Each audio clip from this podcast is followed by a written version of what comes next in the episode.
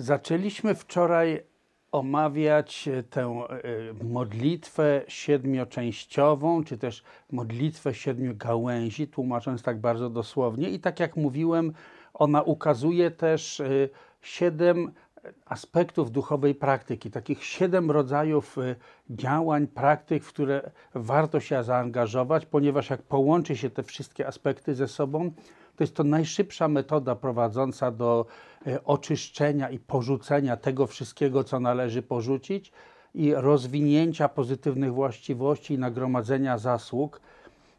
Pierwsza z tych części została omówiona. Może nie robiłem tego tak e, bardzo podręcznikowo, tylko e, rozszerzyłem o, o wiele różnych takich dodatkowych opowieści, bo chodzi mi o to, żebyśmy takie jak najlepiej zrozumieli samą istotę tego, o czym mówimy. I ta pierwsza część to było okazanie hołdu, czy też okazanie szacunku e, Buddom, bodhisattwom, duchowym nauczycielom. I mówiłem o tym, że można na to spojrzeć e, z dwóch punktów widzenia. Po pierwsze, w takim ostatecznym sensie, najwyższe okazanie szacunku Buddom to jest w pełni zastosowanie ich nauk i osiągnięcie urzeczywistnienia. Czyli można powiedzieć taki ostateczny aspekt, ostateczny aspekt okazania szacunku, czci, respektu, to jest porzucenie wszelkiego lgnięcia do postrzegania, czy też e, wszelkiego lgnięcia do zjawisk jako realnych, samoistnych bytów, do postrzegania wszystkiego w kategoriach postrzegane i postrzegający i pozostawienie umysłu w stanie, który jest zupełnie poza tego typu pojęciami pozostawienie umysłu w stanie e, tej naturalnej, pierwotnej mądrości, naturalnej w sensie istniejącej samej z siebie. Nie musimy jej stwarzać przez jakiś wysiłek i nie wytwarzamy jej też poprzez praktykowanie ścieżki. Ta natura umysłu od zawsze była taką, jaką jest. Musimy jedynie usunąć wszystkie te błędne sposoby postrzegania, e, lgnięcie do e, różnego rodzaju takich mentalnych wytworów, które sprawiają, że nie doświadczamy tej prawdziwej natury. Ale ponieważ łatwo się może o tym mówi, ale jest to tak trudne do osiągnięcia, ten aspekt y, bezwysiłkowości, takie spoczęcie bez najmniejszego wysiłku w prawdziwej naturze zjawisk, jest możliwe tylko dzięki niesłychanie intensywnym i gorliwym wysiłkom na ścieżce. Brzmi to jak paradoks, ale żeby osiągnąć tę bezwysiłkowość, potrzeba najpierw bardzo wiele wysiłków. Dlatego też istnieje też ten relatywny aspekt. Dla tych, którzy nie urzeczywistnili natury umysłu, mamy takie okazywanie szacunku poprzez wzbudzanie różnego rodzaju pozytywnych, tych relatywnych, ale w obrębie relatywności pozytywnych postaw umysłu, poprzez wyrażanie różnego rodzaju pochwał dla Buddów w różnego rodzaju modlitwach. Te pochwały, które ukazują właściwości przebudzenia i pozwalają nam przez to kontemplować to i lepiej zrozumieć te właściwości. I też wreszcie okazywanie szacunku poprzez różnego rodzaju działania ciała i mowy. Można powiedzieć, że niektóre z nich, czy część z nich jest na pewno gdzieś głęboko osadzona w kulturze, ale są też takie, które są ponadkulturowe. Gdziekolwiek byśmy na świecie nie pojechali, istnieją takie, takie rzeczy, które, takie działania, które zdecydowanie są przeciwieństwem okazywania szacunku. Buddów, bodhisattvów bezpośrednio nie widzimy, więc szanujemy ich, szanujemy ich symbole reprezentujące ich widzimy naszych duchowych przewodników i też takie naturalne, ponadkulturowe jest to, że na przykład e, nie będziemy bili naszego nauczyciela, nie będziemy, e, nie będziemy wyrażać się o nim negatywnie, e, krytykować, obgadywać. To jest takie zupełnie ponadkulturowe. Co takie zabawne? Wyobrażam sobie opcji bicia nauczyciela. No ale... no ale historia zna takie przypadki. Nawet zabijania nauczyciela, mhm. kiedy ktoś się poczuł bardzo rozczarowany. Niestety. E, ale też są takie rzeczy, na przykład widywałem e, poza Polską, gdzieś w zachodniej Europie. Na przykład jeden z najwyższych rimpoczów Kagiu, ktoś e, przyjechał na kurs i w czasie, w czasie przerwy Wiesz, czytałem Twoją książkę, naprawdę dobra książka i tak poklepując po ramieniu, obejmując się, naprawdę udało Ci się, dobrą książkę napisałeś.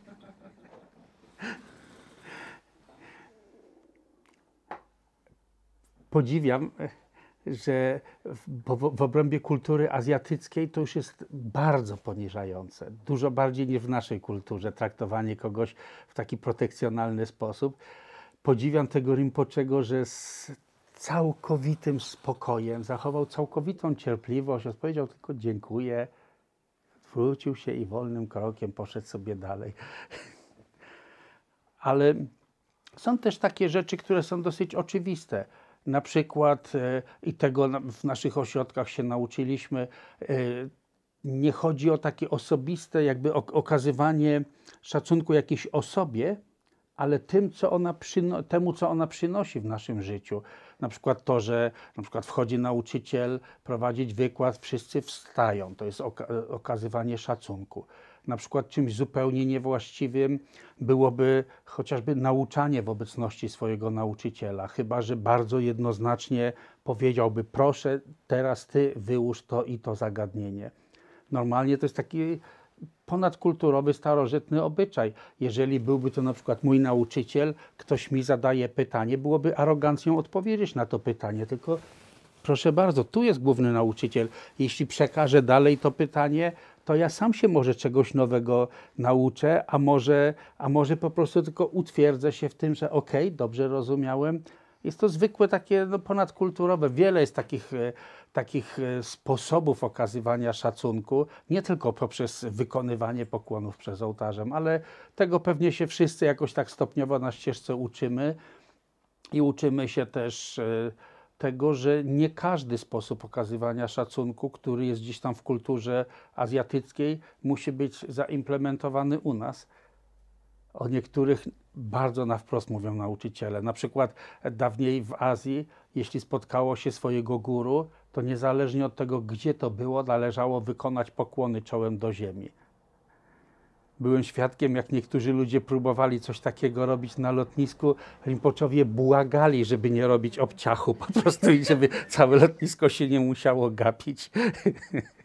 Dlatego znam też takich, którzy wolą być nieodprowadzani i na przykład wyjeżdżają na lotnisko e, o pół godziny czy godzinę wcześniej niż to oficjalnie zapowiedziane, żeby nie było tłumu na lotnisku dających takie oficjalne pożegnanie. No jest to, jest to niepotrzebne, jest to sprzeczne z naszą kulturą, a, a nie służy niczemu. Ok, ale teraz przechodząc do drugiej części spośród e, siedmioczęściowej modlitwy, Druga część to jest składanie darów. Tutaj w tej modlitwie, w tej wersji siedmioczęściowej modlitwy, która była ułożona przez Gelongme Palmo, jest powiedziane metok dukpy marmedri szalze rilmo lasok pan nidzior ichi czylne byl pak pejcokci siesu sol kwiaty, kadzidła, lampki i wonności, jedzenie, muzykę i inne dary rzeczywiste i wyobrażone o szlachetni, przyjmijcie je proszę. Więc pierwsze pytanie można sobie zadać, dobrze, po co składać ofiary? Po co składać dary, jeżeli w szczególności tutaj jest powiedziane szlachetni, przyjmijcie je proszę.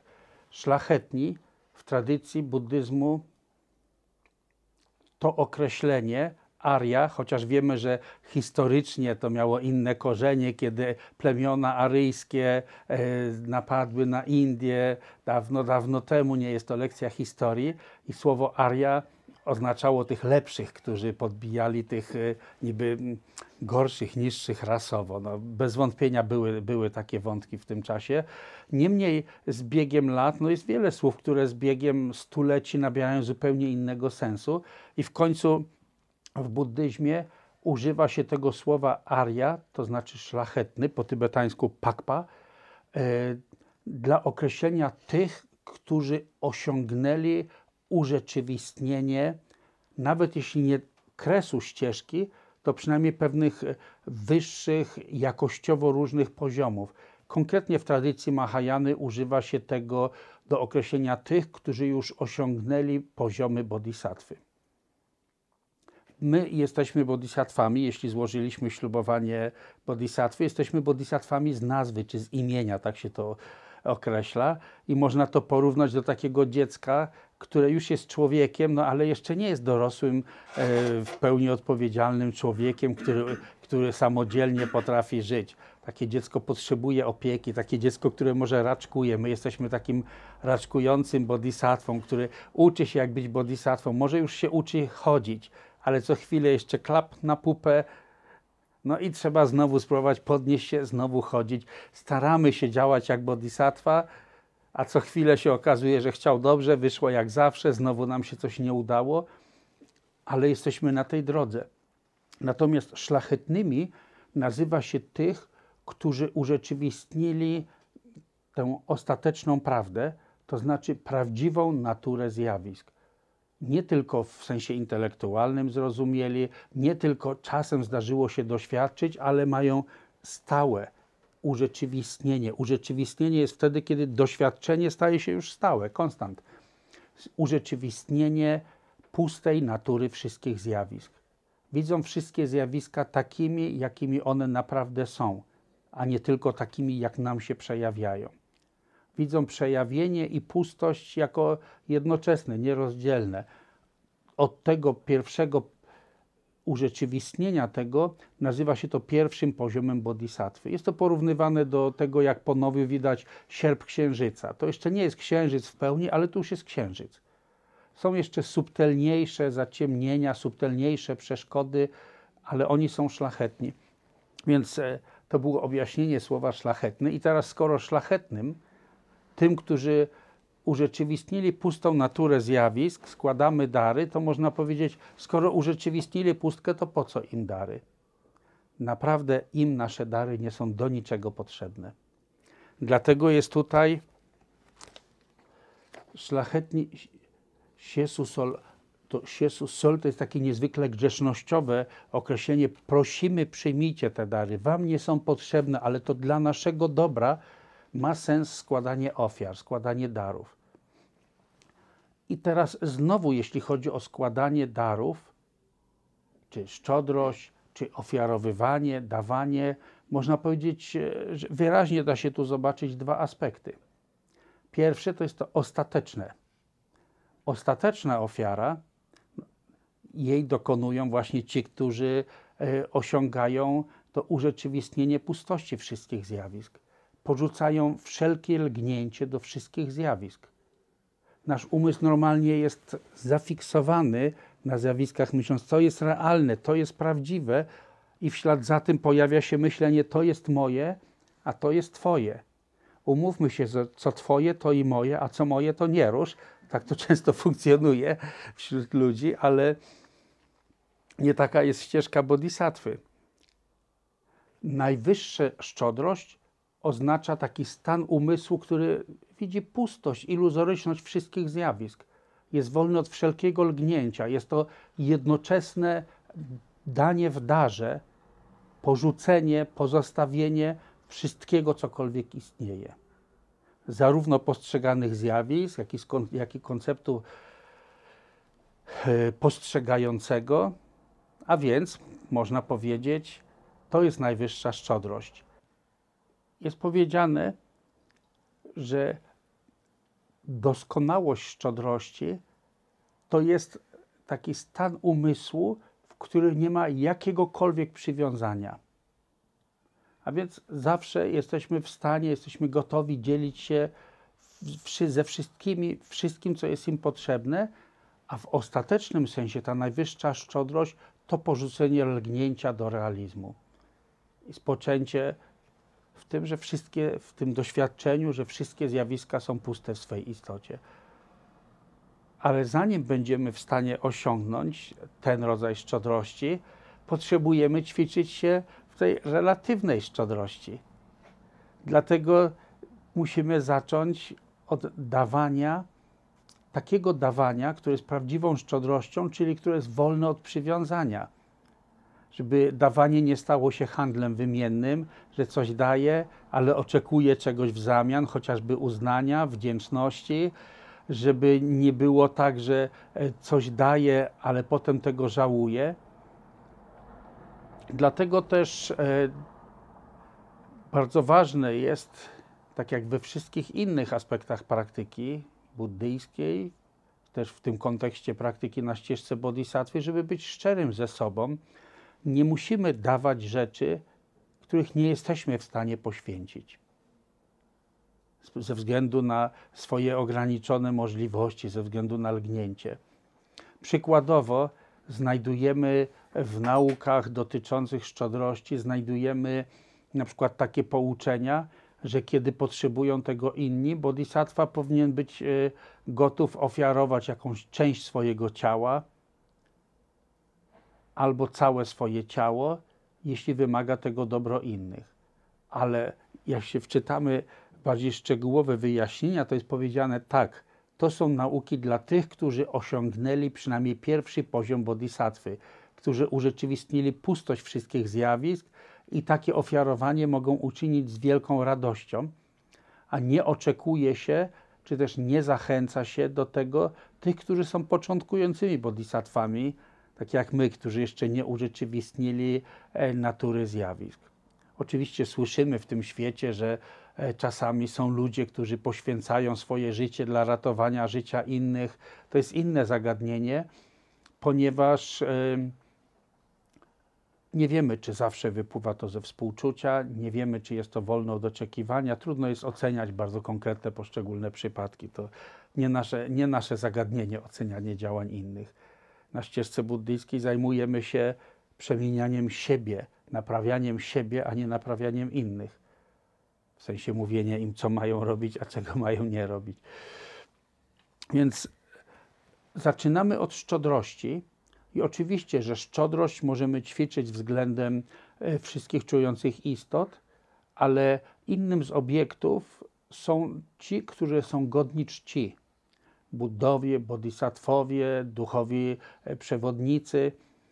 I w tym wypadku, w siedmioczęściowej modlitwie, skupiamy się właśnie, czy w tych siedmiu aspektach duchowej praktyki, skupiamy się na ofiarowywaniu tym, którzy są godni czci, dlatego że takie ofiarowywanie zasiewa szczególnie e, pomyślne, szczególnie pozytywne nasionka w strumieniu naszej świadomości. To, co w przyszłych żywotach będzie dojrzewać e, w taki sposób, że na przykład odrodzimy się z takim naturalnym, przejawiającym się bez wysiłku, bez potrzeby ćwiczenia się w tym, z naturalnym współczuciem, naturalną mądrością, która pozwala zrozumieć znaczenie darmy i inne tego, tego rodzaju właściwości będą rezultatem właśnie takich działań.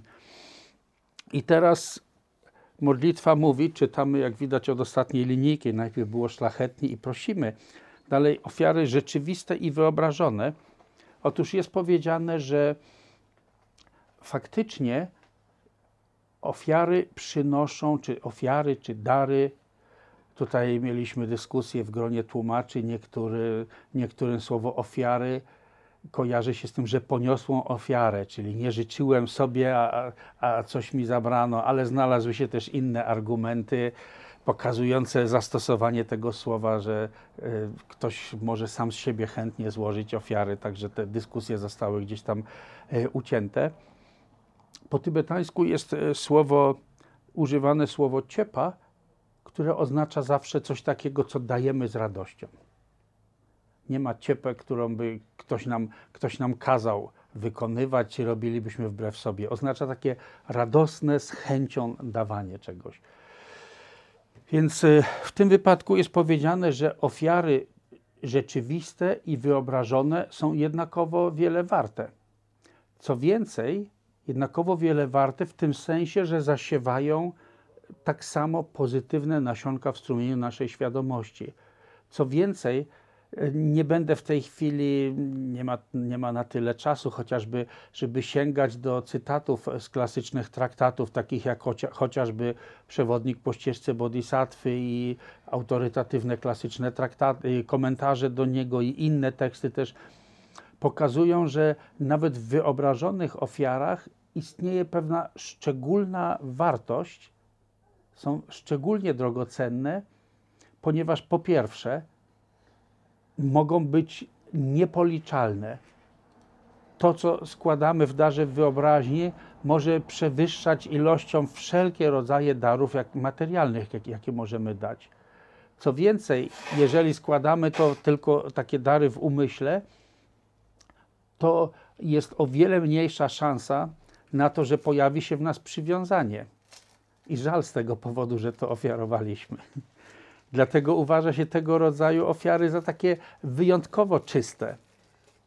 W wyobraźni wyobrażamy sobie całą przestrzeń wypełnioną e, chmurami, wielką ilością cudownych darów, uczynionych z najwspanialszych substancji, jakie tylko można sobie wyobrazić. Substancje, jakie znajdują się gdzieś w, nie, w niebach bogów, w jakichś innych światach czy zaświatach, substancji, które znajdujemy w tym świecie. To wszystko w niepoliczalnych ilościach składamy w darze. Co więcej, często praktyki związane z takim ofiarowywaniem zachęcają do tego, żebyśmy nie tylko składali taką niepoliczalną ilość darów, ale żebyśmy przy tym wyobrażali sobie niepoliczalną ilość emanacji naszego ciała. I naszymi niezliczonymi ciałami składamy te dary. Jest to taki, można powiedzieć, e, trik mentalny, ale który sprawia, że to uczucie gotowości dawania w nieprzeliczalnych ilościach jeszcze bardziej się w nas rozwija i pomnaża. A ponieważ ćwicząc umysł wciąż i wciąż w takim dawaniu, zasiewamy w sobie tę skłonność do tego, że w przyszłości, gdyby dobro innych wymagało tego, to będziemy z większą łatwością gotowi podzielić się tym, co mamy. Że nie będziemy myśleć, aha, mam tyle, a tyle jedzenia, jak komuś oddam troszeczkę, to może mnie zabraknie. No trudno, on jest głodny, ale taka jego karma. Ktoś może, ktoś może tak myśleć. Znam takie przypadki. Także zamiast tego pojawi się, utrwalimy w sobie taki odruch szczodrości. W końcu wiele razy powtarzamy wciąż i wciąż i warto to sobie uświadomić, że praktyka darmy polega często na powtarzaniu, powtarzaniu pewnego rodzaju takich pozytywnych schematów tak długo, aż staną się tym pozytywnym przyzwyczajeniem. I takim przyzwyczajeniem może być na przykład okazanie innym pomocy, kiedy potrzebują. I że to wrażliwość na potrzeby innych stanie się takim dominującym w naszym działaniu, dominującym wątkiem, dominującą motywacją to można wyćwiczyć poprzez właśnie takie mm, mentalne powtarzanie różnego rodzaju sytuacji, takich jak na przykład dawanie darów, dawanie darów. Dajemy tutaj w przypadku siedmioczęściowej modlitwy, dajemy tym, którzy są godni czci.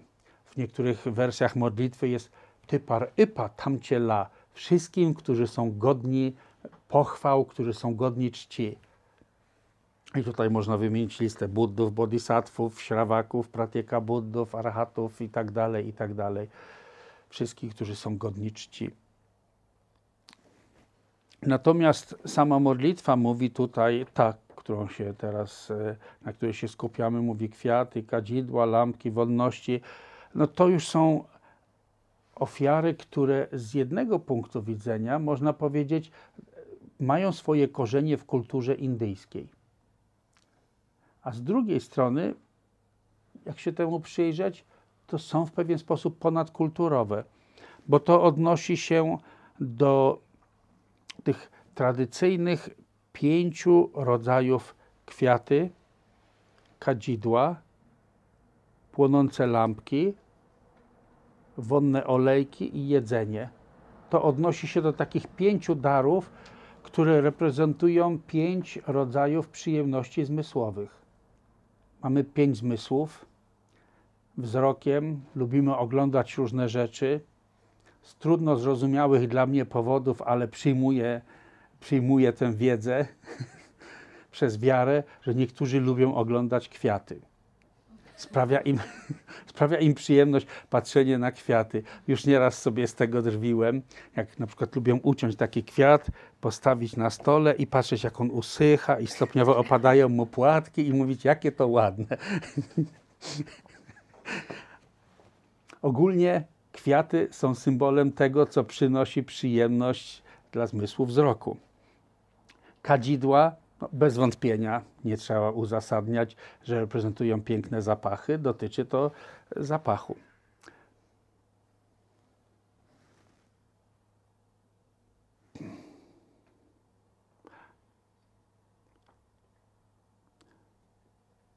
Poprzednio, poprzednio jeszcze, jeszcze pominąłem chyba, bo tutaj jest wymienione też płonące lampki.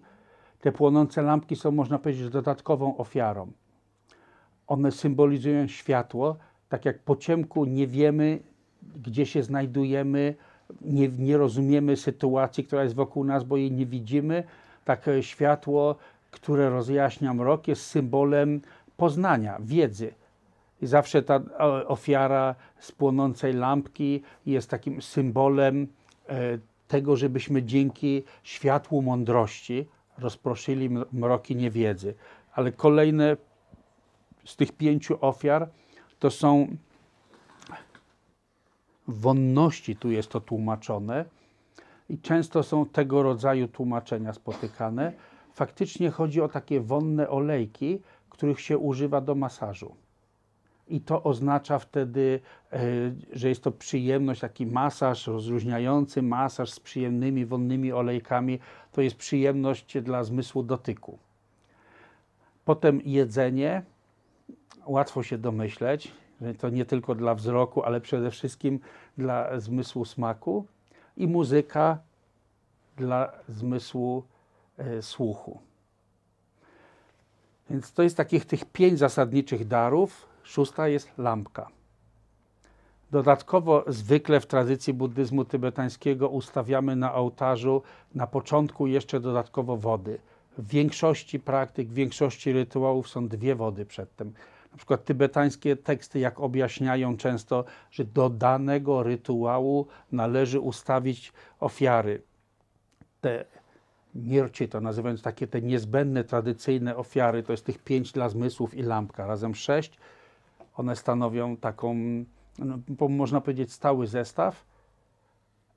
I wcześniej, najczęściej są dwie wody, ale są praktyki, w których ustawia się wcześniej tylko jedną miseczkę z wodą. Są takie, w których są cztery dodatkowe e, wody na początku. A więc e, zwykle teksty mówią, ustaw na przykład dwie, dwa rodzaje wody i inne niezbędne ofiary. Te niezbędne ofiary, tak dosłownie niercie, e, można powiedzieć, czy tradycyjne dary.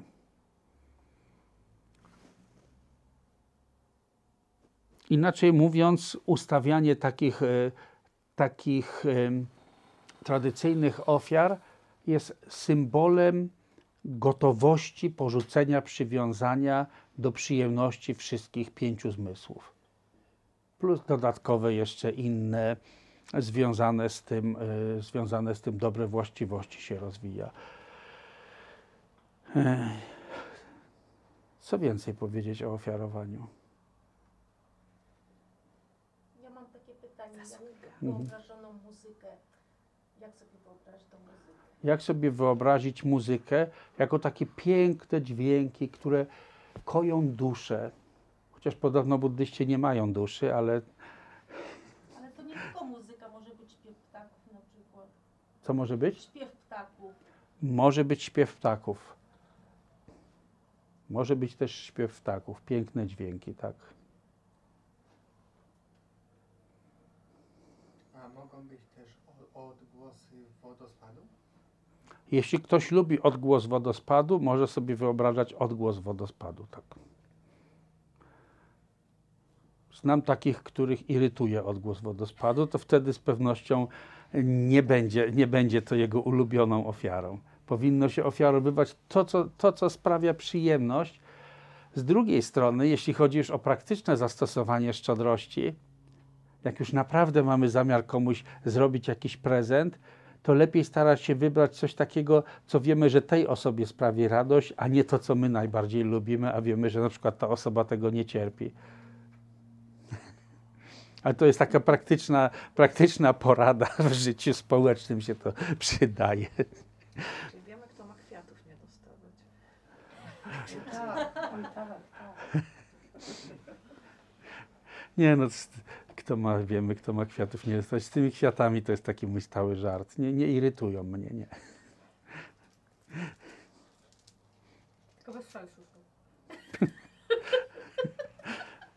Dobra. Ale widoki kwiatów na łące. Tak, widoki kwiatów na łące. Tak, jako obiekt fotografa na przykład, kwiaty bardzo, bardzo miły obiekt. A ponieważ fotografia to moje jedyne pozabuddyjskie hobby, to tak, to kwiaty na łące tak. No, służy do tego, żeby, żeby fotografować. I mieć później te fotografie na wygaszaczu ekranu w swoim komputerze.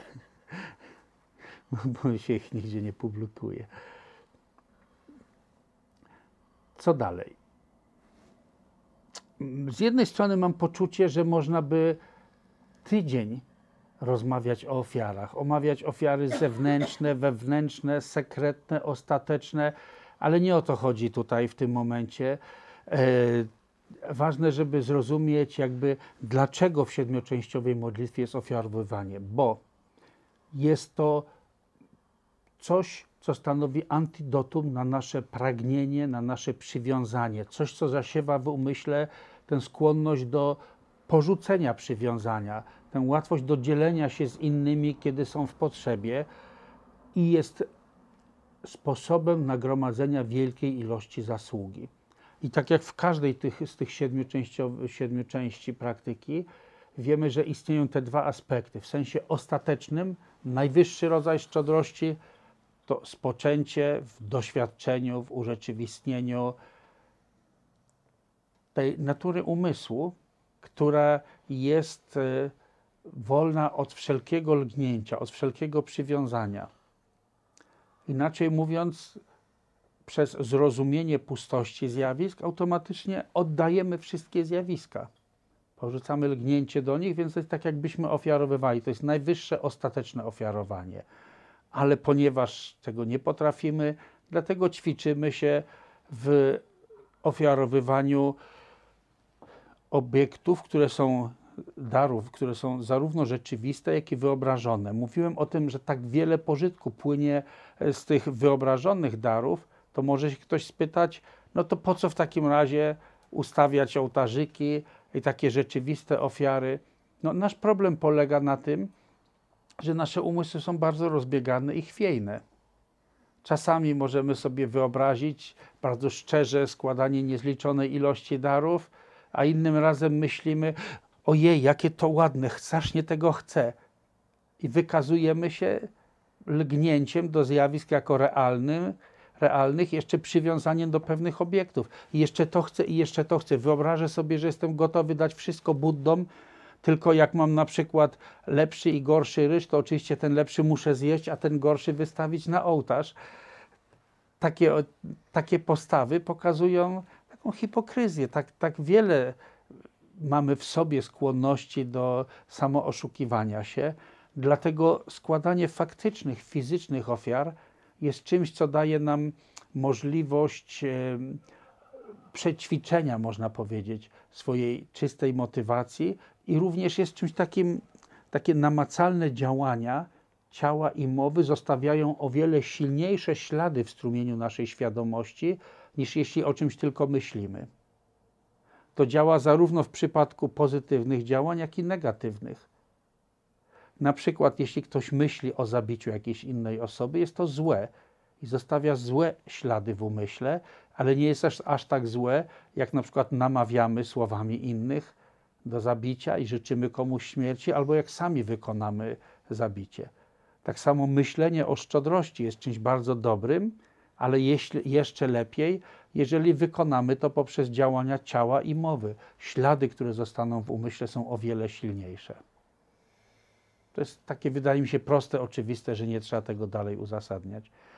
Dlatego jako początkujący na ścieżce, kiedy nasze umysły są bardzo chwiejne i zmienne, dobrze jest, kiedy możemy takie fizyczne, praktyczne, symboliczne dary składać na ołtarzu, e, czy niekoniecznie tylko na ołtarzu.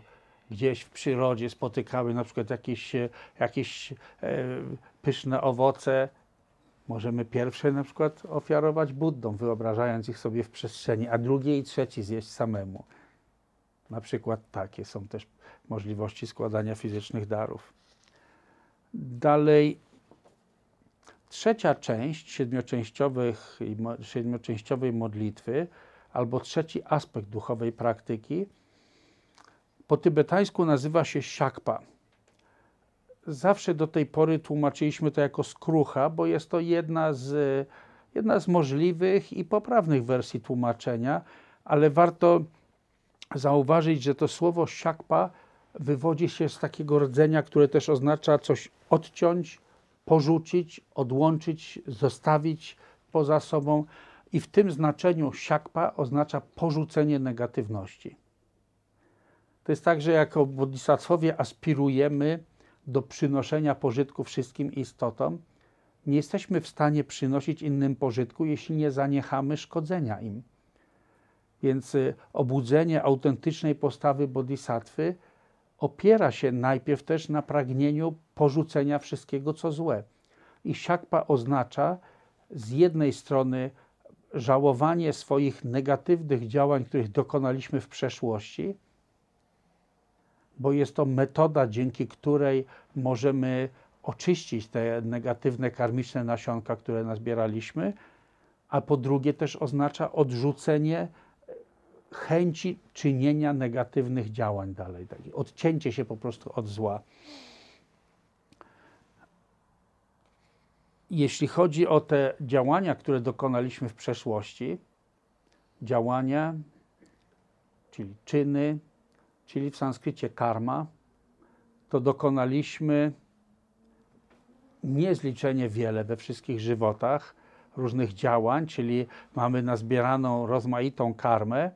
I jeśli mówimy o negatywnej karmie, ale i pozytywnej też, można powiedzieć, że e, można ją podzielić na dwa aspekty, czy też dwa rodzaje. Oczywiście podziałów może być wiele, ale teraz chodzi mi o ten konkretny podział, że są to te działania, które już w pełni dojrzały, a po drugie są te, które dokonaliśmy, a jeszcze nie dojrzały, w sensie ich rezultaty jeszcze się nie ujawniły. Na przykład w wyniku naszej poprzedniej karmy urodziliśmy się w tym kraju, no i tego już nie, nie zmienimy. Miejsca, gdzie się urodziliśmy, to już zaowocowało, dojrzało, to już się stało. To jest faktem. Możemy teraz się gdzieś przeprowadzić, ale nie zmienimy faktu, gdzie się urodziliśmy. Urodziliśmy się w takim, a nie innym ciele. Urodziliśmy się u tych, a nie innych rodziców. Mamy te konkretne pięć skant, które mamy, i to jest ta karma, która już dojrzała. Ale jest cały szereg działań, które wykonaliśmy, które można powiedzieć drzemią, czekają na okoliczności, żeby zaowocować, przynieść rezultaty. I teraz ta karma, która już e, została zebrana, a jeszcze nie zaowocowała, dzięki siakpa może zostać oczyszczona. Negatywne, mniejsze negatywne czyny można całkowicie oczyścić. Skutki większych negatywnych czynów możemy co najmniej pomniejszyć. I w jaki sposób dokonuje się tego oczyszczenia, w jaki sposób dokonuje się tej skruchy, to jest poprzez cztery oczyszczające moce.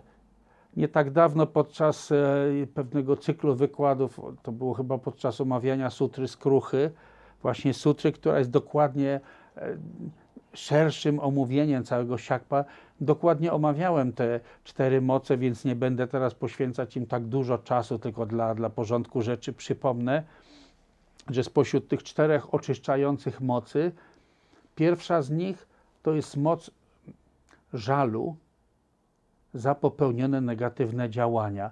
Żalu nie w znaczeniu takiego myślenia, ach, jaki ja jestem nic nie warty, ze mnie nie będzie żadnego pożytku, ja się do niczego nie nadaję, bo tak niektórzy mogliby rozumieć słowo żal. Nie, tu chodzi o uświadomienie sobie, że to, co zrobiliśmy, było po prostu błędem. było niewłaściwe. Bo jeżeli o jakichś działaniach negatywnych myślimy, no ale no dobrze, że to zrobiłem, no okej, może to jest zaliczane gdzieś tam w naukach buddyjskich, czy nie tylko buddyjskich, do negatywnych czynów, no ale nie miałem innego wyboru, to było najlepsze, co mogłem zrobić i nie żałujemy tego, to nie będziemy w stanie oczyścić, czy też pomniejszyć właśnie siły tych negatywnych, y, negatywnych działań. Tą pierwszą oczyszczającą mocą jest uświadomienie sobie, że to było złe. Przykład, który zresztą nie, nie sam wymyśliłem, tylko zasłyszałem od y, czcigodnego Trangu Rinpoche.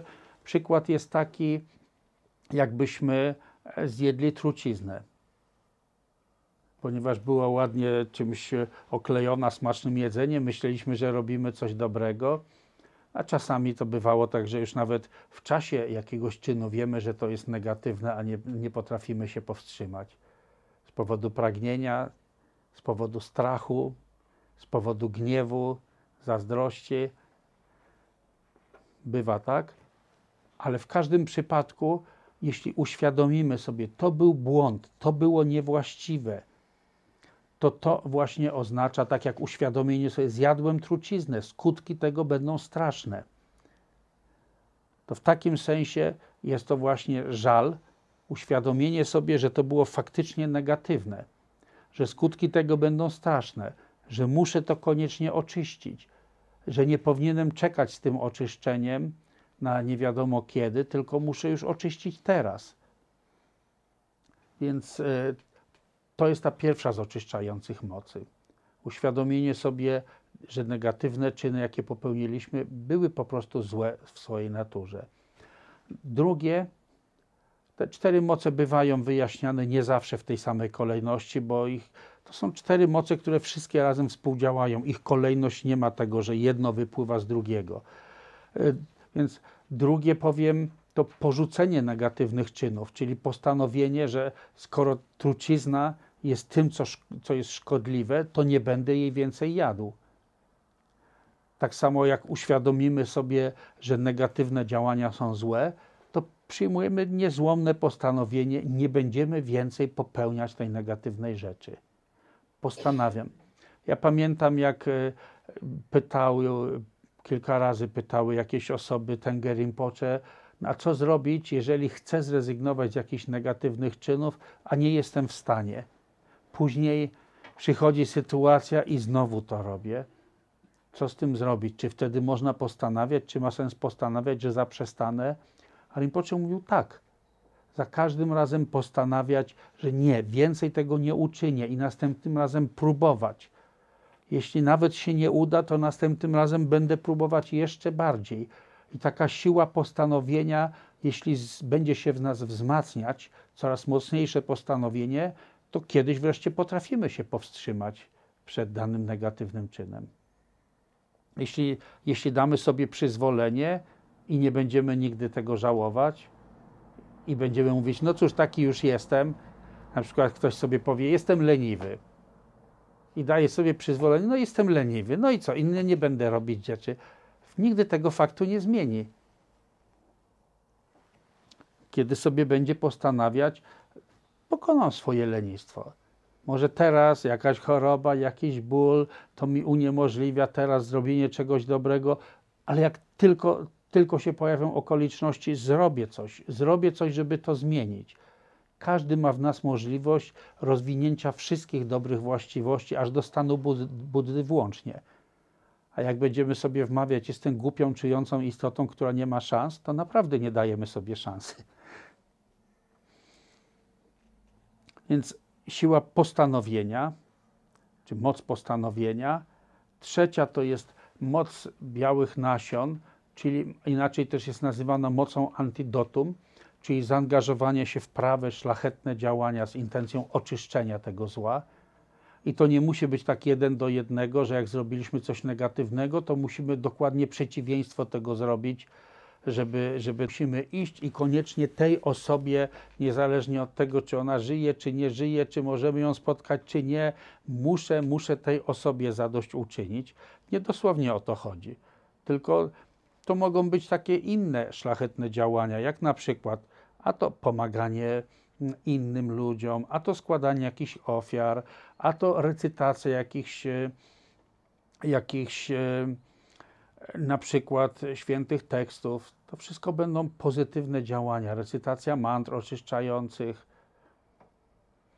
Wśród tych białych nasion będą takie znowu jak e, działania ciała, na przykład odnawianie stóp, posągów, e, jak wykonywanie jakiejś tam pielgrzymki z intencją oczyszczenia negatywnych czynów. Pielgrzymki w buddyzmie zawsze były. Zanim, zanim w chrześcijaństwie się ta tradycja, w końcu buddyzm jest o 500, chyba prawie 600 lat starszy, i różańce, pielgrzymki, kult e, szczątków świętych i tak dalej, to jak najbardziej istniało w buddyzmie, zanim się tutaj w tym kręgu kulturowym pojawiło. Zresztą nie wiem, jak w kręgu Bliskiego Wschodu, to jest zupełnie inne zagadnienie dla historyków, nie wiem, historyków kultury, religii, jakie były powiązania między tradycją indyjską a Bliskim Wschodem i kto kim się inspirował, a może niezależnie ludzie doszli w różnych miejscach na świecie do, do podobnych wniosków.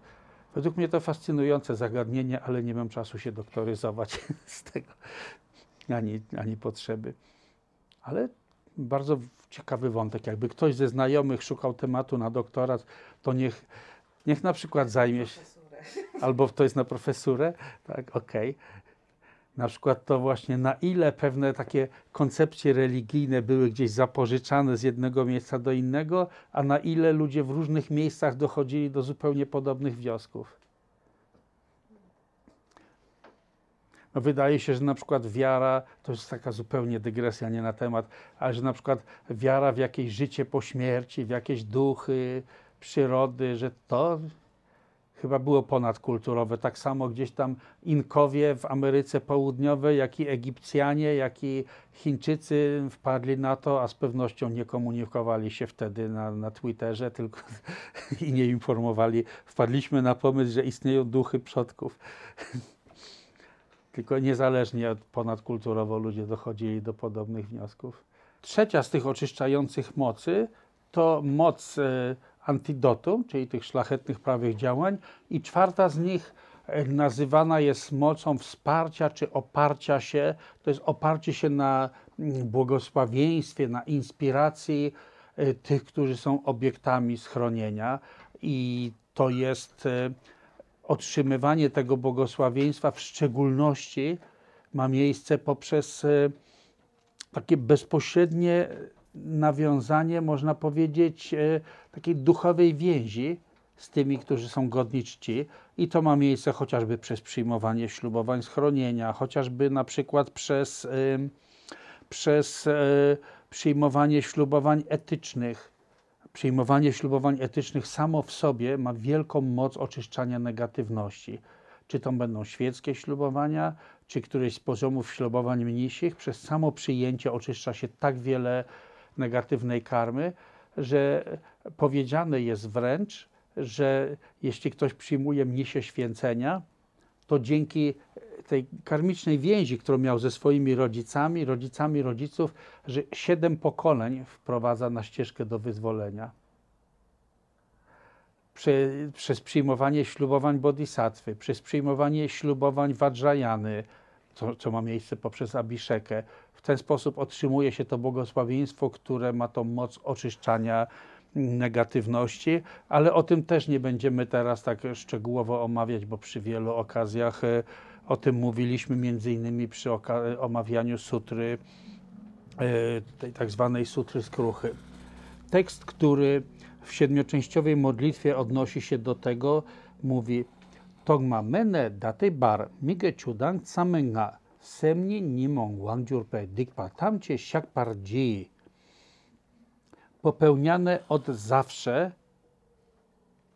Samsara nie ma początku, od zawsze jesteśmy w ułudzie, chociaż z pewnego punktu widzenia patrząc, kiedy powstaje samsara, właśnie teraz, w tej chwili. Jeżeli z ostatecznego punktu widzenia, czyli z tego punktu widzenia, jak to jest naprawdę, samsara jak jest, jest iluzją, to jak można mówić, że kiedyś powstała? Nie powstała, To tak jak we śnie na przykład próbowalibyśmy dociekać, na przykład e, ja, o ile mi wiadomo, jestem bezdzietny, śniłoby mi się, że mam dziecko i próbuję dociekać, kiedy to dziecko się urodziło. Nigdy się nie urodziło. Kiedy ja się urodziłem, ja, przyśniony ja jest iluzją. Nigdy się nie urodziłem. Kiedy zbudowano to dziwne miasto, w którym chodzę we śnie, nigdy go nie zbudowano. Dokładnie tak samo samsara. Nie powstała kiedyś. Od zawsze, można powiedzieć, jesteśmy w tym złudzeniu, w iluzji. Dlatego jest powiedziane od zawsze, togma me, bez początku, aż do teraz, 10 negatywnych i 5 najgorszych czynów powstałych na skutek zaciemnień umysłu. Nimong Wang. Nimong Wang to jest pod wpływem kleś, pod wpływem emocjonalnych splamień. Mówiliśmy wczoraj o tym, co to są te nimongpy, czyli klesie, te właśnie emocjonalne splamienia, które stale nami zawładają. I jesteśmy Wang pod ich wpływem, one mają władzę nad nami. I pamiętacie to, o czym mówiliśmy, kiedy się mówi, że Chenrezik Wang, Chenrezik pełen mocy, Chenrezik, które ma tą władzę, w sensie, że jego umysłem nie zawładnęły klesie, tylko on ma tą pełną moc, można powiedzieć, władzę nad swoim umysłem. To jest ciekawe zestawie- zestawienie, jak się tak dokładnie właśnie wczytuje e, w te e, tybetańskie teksty, to one są niezwykle precyzyjne i bardzo często użycie takiego, a nie innego wyrazu ma jakby wiel, daleko idące konsekwencje. W polskich tłumaczeniach trudno jest to e, oddać taką właśnie wielopoziomowość tych znaczeń. Wszystkie ze skruchą teraz wyznaję. Dikpa to są te negatywne czyny, wszystkie siakpardzi. To słowo siakpa, już mówiłem, oznacza odcinam się od tego, chcę to porzucić za pomocą czterech oczyszczających sił. I kiedy mówimy o siakpa, to podobnie jak w każdej z pozostałych siedmiu e, części, siedmioczęściowej modlitwy, czy też inaczej mówiąc, w siedmiu gałęziach duchowej praktyki, można mówić o ostatecznej siakpa, która co by oznaczała? Porzucenie wszystkiego, co zakrywa czystą naturę umysłu, co zakrywa naszą naturę Buddy. Prawdziwa siakpa to jest nie tylko porzucenie wszystkich negatywnych czynów, ale też emocjonalnych splamień, jak też i niewiedzy, z powodu której te emocjonalne splamienia powstają. Dlatego na przykład są e, takie wersje siedmioczęściowej modlitwy, tak jak mówiłem, w różnych rytuałach są e, w różne słowa układane te siedem części. Na przykład e, w Guru Jodze Milarepy jest taka krótka siedmioczęściowa modlitwa, ale tam jest słowa, które są tam użyte, są pisane z punktu widzenia tego ostatecznego znaczenia. Jest tam na przykład żałuję zła, którym jest dualistyczne lgnięcie porzucam dualistyczne lgnięcie, automatycznie wszystko, co z niego wypływa, emocjonalne splamienia, negatywne czyny, czyli cała ta nagromadzona karma, wszystko jest porzucone. Ostateczna siakpa to znowu nic innego jak porzucenie dualistycznego lgnięcia. Znowu osadzenie umysłu w doświadczeniu swojej tej pierwotnie czystej natury, która jest nierozdzielnością rozumienia pustki i współczucia nierozdzielnością pustki i jasności. Ta jasność umysłu przejawia się właśnie jako współczucie. To jest ostateczna siakpa.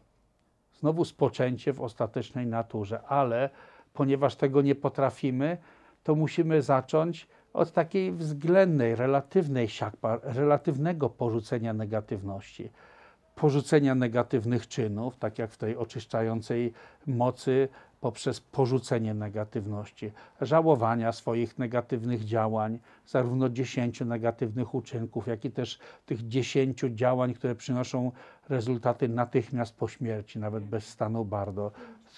Pięciu. Dziękuję. Przejęzyczenie. E, tutaj jest to przetłumaczone jako pięć najgorszych czynów. Przy okazji sutry skruchy to zachęcam, jeśli, jeśli mowa o skrusze, to tam jest to szczególnie dokładnie wyjaśnione, co to jest tych pięć czynów o bezpośrednich czy natychmiastowych rezultatach. Żałujemy tych negatywnych czynów, postanawiamy e, zaprzestać ich, e, postanawiamy angażować się w antidotum, w prawe szlachetne czyny. Zwracamy się do Buddów i Bodhisattvów z prośbą o błogosławieństwo i pomoc w oczyszczeniu, a więc e, stosujemy tą relatywną siakpę. Myślę, że dobrze będzie na tym etapie w tej chwili poprzestać e, na omówieniu siedmioczęściowej modlitwy w tym punkcie. Dalej będziemy w popołudniowej sesji jeszcze kontynuować, a teraz e, czas na to, żebyśmy nie tylko słuchali i rozważali nauki, ale również zastosowali je w praktyce. Wiemy, że stosowanie nauk w praktyce ma miejsce zarówno w chwilach, kiedy umysł jest pochłonięty medytacją, jak i w okresie pomiędzy medytacjami. Więc teraz będziemy ćwiczyć tę medytację, a później będziemy stosować te nauki między medytacjami.